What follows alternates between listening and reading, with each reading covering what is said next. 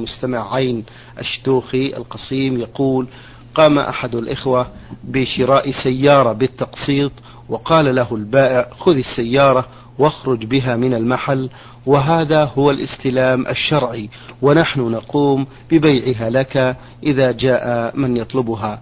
فأرجو الإفادة في هذا السؤال مأجورين. الحمد لله رب العالمين وأصلي وأسلم على نبينا محمد وعلى آله وأصحابه ومن تبعهم بإحسان إلى يوم الدين. إن بيع التقسيط يكون على نوعين. النوع الأول أن تكون السلعة عند البائع مالكا لها قبل عقد بيع التقسيط فيبيعها بثمن مؤجل بأكثر من ثمنها حالا. مثال ذلك أن يكون عند شخص سيارة فيأتي شخص آخر ليشتريها منه بثمن مؤجل ويكون وتكون قيمة هذه السيارة بالثمن الحال ثلاثين ألفا وبالثمن المؤجل خمسة وثلاثين ألفا فيشتريها المشتري بالثمن المؤجل بخمسة وثلاثين ألفا فهذا البيع جائز لدخوله في عموم قوله تعالى يا أيها الذين آمنوا إذا تداينتم بدين إلى أجل مسمى فاكتبوه. ولأن هذا نظير السلم الذي كان يفعل في عهد الرسول صلى الله عليه وسلم لكن السلم يعجل فيه الثمن ويؤخر فيه المثمن. وهذا بالعكس عجل فيه المثمن وأخر فيه الثمن. لكن المعنى واحد وهو تعجيل أحد العوضين وتأجيل أحدهما. ولكن اختلف العلماء فيما إذا كان مقصود المشتري الدراهم لكنه توصل إلى الحصول عليها بهذا العقد. فمن العلماء من منع ذلك كشيخ الإسلام ابن تيمية رحمه الله وقال إن هذا حيلة على الربا. ومنهم من أجاز ذلك وقال إن المشتري له الحق أن يتصرف في السلعة بما شاء من بيعها أو إبقائها. وهذه المسألة تسمى مسألة التورق. والورع بلا شك ترك التعامل بها ولكن إن دعت الضرورة إليها ولم يجد المشتري من يقرضه ولا وجد وصولا إلى السلم المعروف في عهد النبي صلى الله عليه وسلم وكان مضطرا إلى ذلك فإنه بهذه الثلاث الشروط أرجو أن لا يكون بها بأس. أما النوع الثاني من بيع التقسيط فهو أن لا تكون السلعة عند البائع ولكن المشتري يعينها ثم يأتي إلى تاجر من التجار ويقول أنا أريد السلعة الفلانية فاشتريها لي وبعها علي بثمن مؤجل أكثر مما اشتريتها به. مثل أن يكون المشتري يحتاج إلى سيارة يستعملها فيجدها في المعرض ولكن ليس عنده ثمنها. فيذهب إلى تاجر من التجار ويقول أنا أريد السيارة الفلانية في المعرض الفلاني وليس عندي ثمن. فيذهب التاجر ويشتري هذه السيارة بثمن حال ثم يبيعها على هذا الطالب لها بثمن مؤجل أكثر مما اشتراها به. وهذا النوع حيلة على الربا ووقوع في المحذور الذي يكون في الربا. وذلك لأن حقيقته أن التاجر أقرض هذا الطالب قيمة السيارة قيمة السلعة التي يريدها بزيادة. والقاعدة المعروفة عند أهل العلم أن كل قرض جر نفعا للمقرض فإنه ربا. ولأن هذا العقد الذي صدر من التاجر عقد غير مقصود لأنه لم يشتري هذه السلعة إلا بعد أن جاء هذا الطالب فقد اشتراها من أجله من أجل الزيادة الربوية التي يحصل عليها. ودليل ذلك أن التاجر لم يكن يفكر أن يشتري هذه السيارة لولا أن هذا الطالب جاء وعرض عليه هذه الصفقة. واعتلال بعضهم بأن التاجر لا يلزم الطالب بها إذا اشتراها له. اعتلال عليل وذلك لأنه من المعلوم أن الطالب لم يأتي أو لم يعرض على التاجر شراء هذه السلعة له إلا وهو عازم على أن يتملكها. ولو كان عند التاجر شك حقيقي في أن هذا الطالب لا يقبل السلعة بعد شرائها ما اشتراها له؟ هذا من المؤكد المعلوم حسب العادة وحسب الوضع الذي عليه حال هذا الطالب. لذلك فإني أنصح إخواني المسلمين من تعاطي مثل هذه العقود التي ظاهرها الإباحة ولكن مقصودها ما يوقع في التحريم. وليعلم أن الحيل على محارم الله لا تقلبها حلالا بل تزيدها خبثا إلى خبثها وتحريما إلى تحريمها.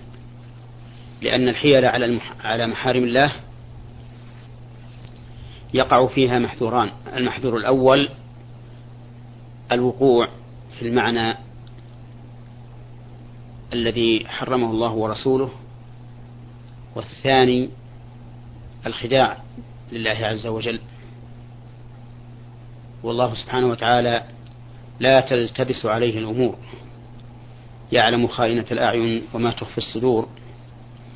وهو سبحانه وتعالى يوم القيامة يعذب الناس بل وهو سبحانه وتعالى يوم القيامة يحاسب الناس على ما في صدورهم كما قال الله تعالى إنه على رجعه لقادر يوم تبلى السرائر أي تختبر السرائر. وقال عز وجل أفلا يعلم إذا بعثر ما في القبور وحصل ما في الصدور. وبنو آدم لن يغنوا عن الإنسان شيئا فهو وإن تظاهر علي عندهم بالعمل المباح إذا كان المقصود به الشيء المحرم لن يغنوا عنه من الله شيئا. وليعلم اللبيب العاقل المؤمن أن رزق الله سبحانه وتعالى لا ينال بمعاصيه وأن الله سبحانه وتعالى قد كتب على الإنسان وللإنسان ما اقتضته حكمته في الأزل فالغني غني والفقير فقير. فليتق الله وليجمل في الطلب ولا ينال رزق الله تعالى بمعاصيه. يقول الله تعالى ومن يتق الله يجعل له مخرجا ويرزقه من حيث لا يحتسب. ويقول تعالى ومن يتق الله يجعل له من أمره يسرا. أسأل الله تعالى أن يعصمنا جميعا اللهم من معاصيه اللهم وأن يوفقنا لمراضيه اللهم آمين. بارك الله فيكم فضيلة الشيخ. رجل كبير أصيب بمرض فلم يصلي وقتين لعدم شعوره ثم بدأ يصلي فهل عليه أن يصلي ما ترك؟ القول الراجح في هذه المسألة أعني مسألة الإغماء إذا كان بغير اختيار من المريض أنه لا قضاء عليه أي لا يقضي الصلاة التي فاتته. وذلك لأنه غير مكلف حيث إن عقله قد غاب.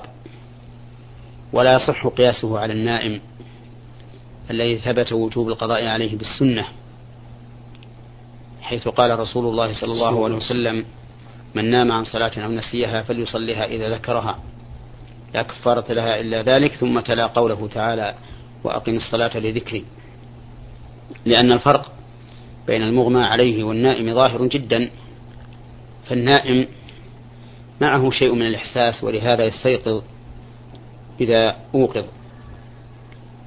بخلاف المغمى عليه فإنه أشد منه آه، تغطية للعقل ولهذا لا يستيقظ إذا أوقظ. أما إذا كان الإغماء بسبب من من الإنسان مثل أن يكون سببه تعاطي البنج أو نحو ذلك فإنه يجب عليه القضاء لأن الغيبوبة التي حصلت له كانت بفعله. فالقاعدة إذن أن من أغمي عليه بمرض أو حادث أو غير ذلك مما ليس له سبب فيه فإنه لا يجب عليه لا, يجب عليه قضاء الصلاة. وإذا كان إغماؤه بسبب منه فإن عليه أن يقضي. أما في الصوم أي لو أغمي عليه في رمضان فإنه يقضي عليه يقضي اليوم الذي أغمي عليه فيه سواء كان يوما واحدا أم أكثر. والفرق بين الصلاة والصيام ظاهر فإن الحائض الممنوعة من الصوم شرعا تقضي الصوم ولا تقضي الصلاة. كذلك هذا الذي منع من الصوم حسا عليه أن يقضي الصوم ولا يقضي الصلاة. بارك الله فيكم. أبو عبد الله من القصيم له الحقيقة ثلاثة أسئلة. يقول إذا خرج الإنسان من دورة المياه وضع الحذاء عند باب الحمام ثم يدخل الغرفة حافيا مع العلم بأن الأطفال يحصل منهم نجاسة فهل, يؤثر ذلك؟ لا يؤثر ذلك شيئا أي أن مشي الأطفال على الأرض والفرش لا يستلزم نجاستها لأن الشك لا يزول به اليقين. نعم. واليقين هو أن هذه هذه الأرض أو هذه الفرش طاهرة. فإذا شك الإنسان هل أصابتها نجاسة أم لم تصبها فإنها لا تكون نجسة. بل هي طاهرة حكما ولا ينبغي للإنسان أن يوقع الشك في نفسه في مثل هذه الأمور لأنه إذا وقع الشك في نفسه فربما يتطور هذا الشك حتى يكون وسواسا يعجز عن التخلص منه. وقد ذكر أن عمر بن الخطاب رضي الله عنه مر على صاحب حوض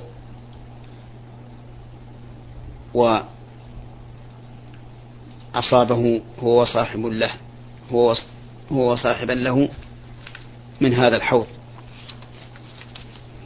فطلب صاحبه من صاحب الحوض أن يبين له هل هو نجس أم طاهر؟ فقال له عمر يا صاحب الحوض لا تخبرنا. هذا الأثر أو معناه. وهذا يدل على أنه لا ينبغي للإنسان التنطع فيما الأصل فيه الإباحة أو الأصل فيه الطهارة. بل يبقى على الأصل حتى يزول هذا الأصل بيقين. ويشهد لهذا أن رسول الله صلى الله عليه وسلم سئل عن الرجل يحس بالشيء في بطنه فيشكل عليه هل خرج منه شيء أم لا؟ فقال عليه الصلاة والسلام لا يخرج يعني من المسجد حتى يسمع صوتا أو يجد ريحا. وهذه إشارة من رسول الله صلى الله عليه وسلم إلى البناء على الأصل وهو الطهارة.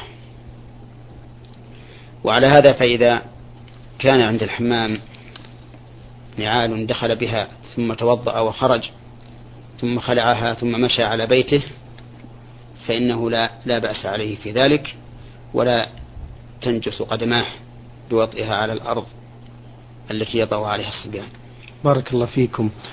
آه، يقول المستمع أبو عبد الله أيضا في السؤال الثاني. وإنه بهذه المناسبة أقول إنه لما كانت البيوت غالبها اليوم مفروش بفرش يصعب حملها وغسلها. فإنه إذا وقعت نجاسة على هذه الفرش فإنها تجفف أولا بالإسفنج بحيث يضغط على الإسفنج فوق المحل حتى يتشرب النجاسة ثم يعصر في محل آخر في إناء أو غيره ثم إذا نشف يصب عليه الماء. ثلاث مرات كلما صب عليه الماء فرك باليد ثم نشف وبهذا يكون طاهرا. بارك الله فيكم. يقول المستمع إذا ذكر بعض الناس الحمام أو الحمار أو الكلب ونحو ذلك قال أعزكم الله أو أكرمكم الله فما حكم ذلك؟ ذلك لا بأس به.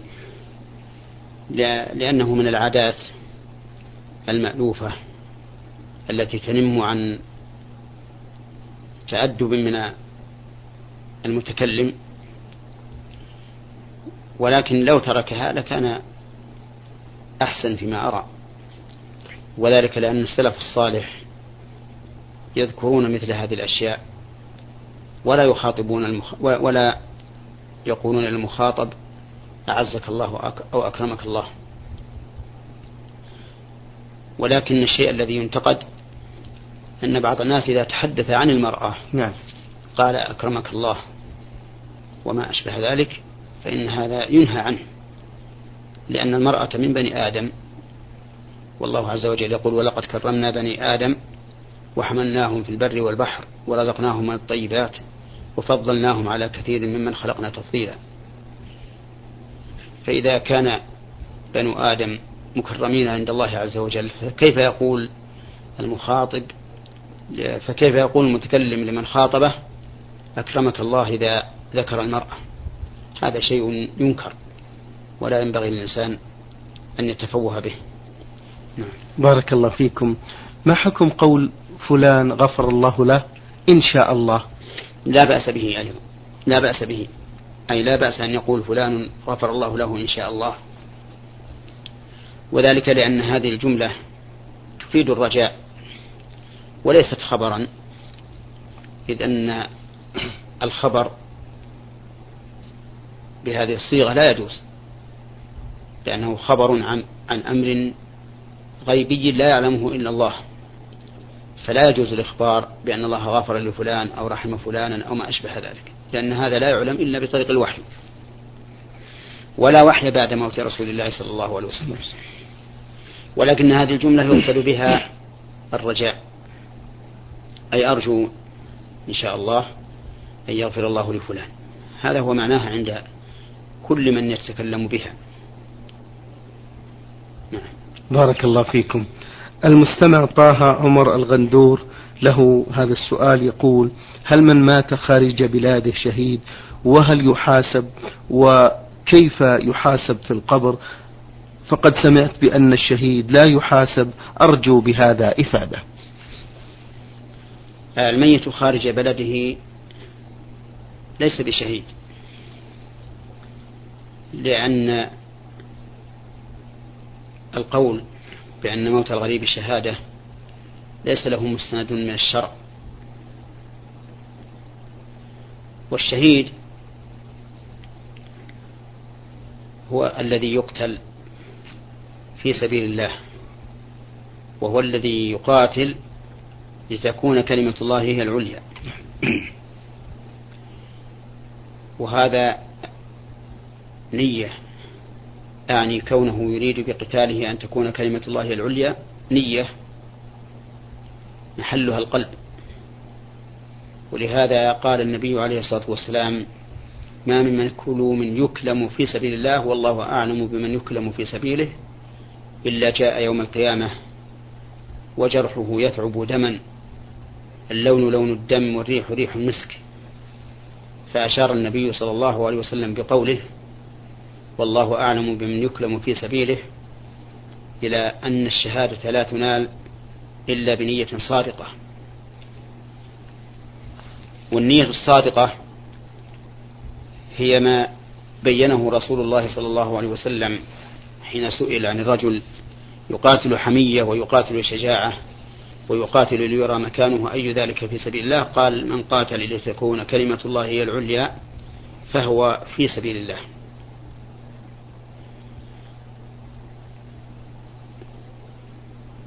وعليه فإنه لا يجوز الجزم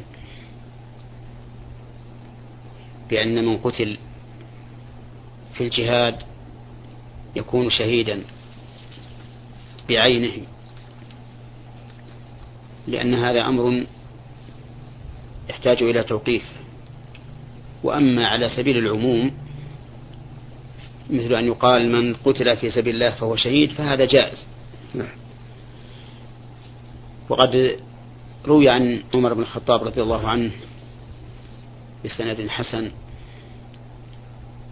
أنه قال إنكم تقولون فلان شهيد وفلان شهيد ولعله أن يكون قد أوقر راحلته.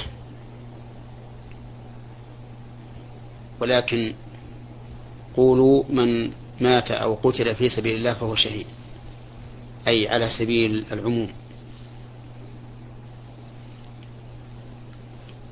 هذا بالنسبة للحكم عليه بالشهادة في الآخرة.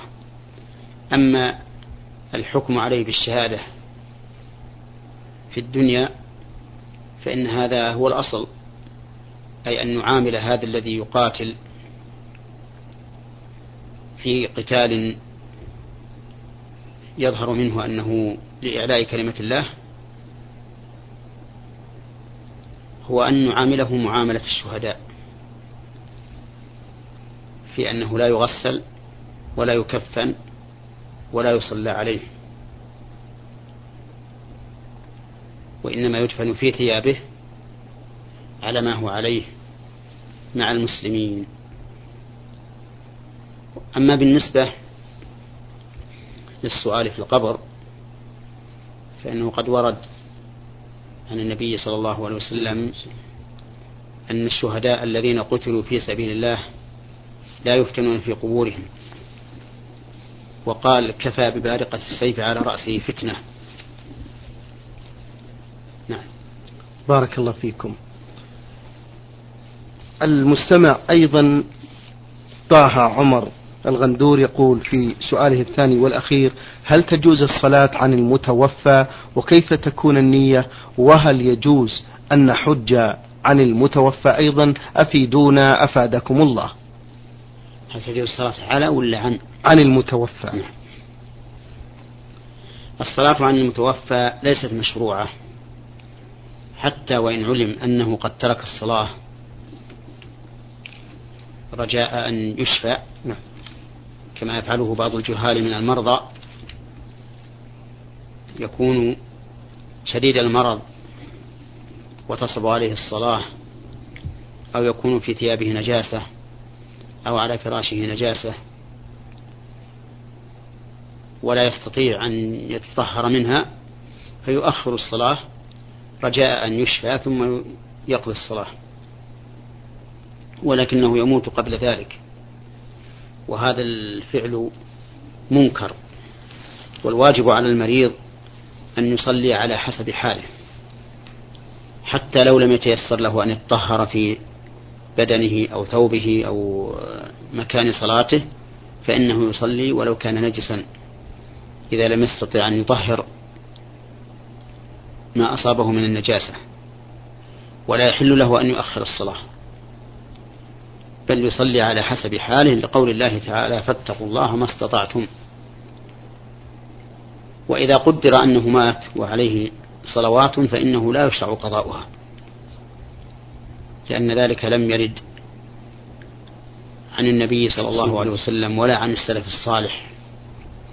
ولكن ينبغي لأهله وقرابته أن يكثروا من الاستغفار وطلب التوبة من الله عز وجل. لهذا الشخص. الفقرة الثانية. الحج. وأما الحج والصوم فإنه يقطع عنه. إذا فرط إذا فرط فيه يعني بحيث يكون قد قدر على أن يصوم ولكنه لم يصم حتى مات. وهذا يقع كثيرا مثل أن يكون الإنسان مسافرا في رمضان فيفطر ثم ينتهي رمضان ويتمكن من القضاء ولكنه يموت قبل القضاء فهذا يقضى عنه. لحديث عائشة رضي الله عنها أن رسول الله صلى الله عليه وسلم قال من مات وعليه صيام صام عنه وليه. فإن لم يصم عنه الولي فلا إثم عليه ولكن يكفر عن الميت عن كل يوم بطعام مسكين. وأما الحج فيقضى عنه أيضا إذا كان قد فرط في أدائه مثل أن يكون مستطيعا على الحج ولكنه يفرط فلم يحج فإنه يقضى عنه. نعم. بارك الله فيكم. نختم هذه الحلقة برسالة وصلت من المستمع مفرح عسيري من منطقة عسير يقول بأنه كان يصلي لوحده صلاة المغرب سرا آه، وأنا لوحدي ثم لاحق بي مأموم وصلى بجانبي ولا أعلم به حتى وجدت أنه بجانبي وربما كان أكثر من شخص. هل أجهر في الصلاة علما بأنني قد تعديت الفاتحة أم أصلي صلاتي سرا؟ أرجو من فضيلة الشيخ إجابة حول هذا. إذا شرع الإنسان في الصلاة وحده ثم دخل معه آخر أو أكثر فإنه لا حرج أن ينوي الإمامة بهم.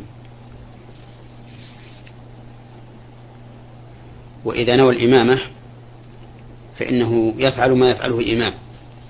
فإذا كانوا قد أدركوه في أول ركعة في صلاة جهرية فإنه يجهر بالقراءة. وإذا أدركوه في الثانية جهر بالقراءة أيضا. وإن أدركوه في الثالثة فإنه لا يجهر بالقراءة. ولكن العلماء اختلفوا رحمهم الله فيما إذا بدأ الإنسان صلاته منفردا ثم دخل معه آخر أو أكثر هل يصح أن ينوي الإمامة بهم أو لا؟ والصحيح أن ذلك جائز. وأن الإنسان إذا شرع في في الصلاة منفردا ثم دخل معه شخص أو أكثر فلا حرج أن ينوي بهم الجماعة. نعم. بارك الله فيكم وفضيلة الشيخ وعظم الله مثوبتكم على ما بينتم لنا في حلقة هذا الأسبوع. أيها الإخوة والأخوات انتهت حلقة هذا الأسبوع من برنامج نور على الدرب وكان معنا في هذا اللقاء فضيلة الشيخ محمد بن صالح بن عثيمين. الأستاذ في كلية الشريعة وأصول الدين في القصيم وخطيب وإمام الجامع الكبير في مدينة عنيزة شكر الله لفضيلته. شكرا لكم أنتم وإلى الملتقى إن شاء الله. والسلام عليكم ورحمة الله وبركاته. نور على الدرب. برنامج يومي يجيب فيه أصحاب الفضيلة العلماء على أسئلة المستمعين. البرنامج من تقديم وتنفيذ عبد الكريم صالح المجرم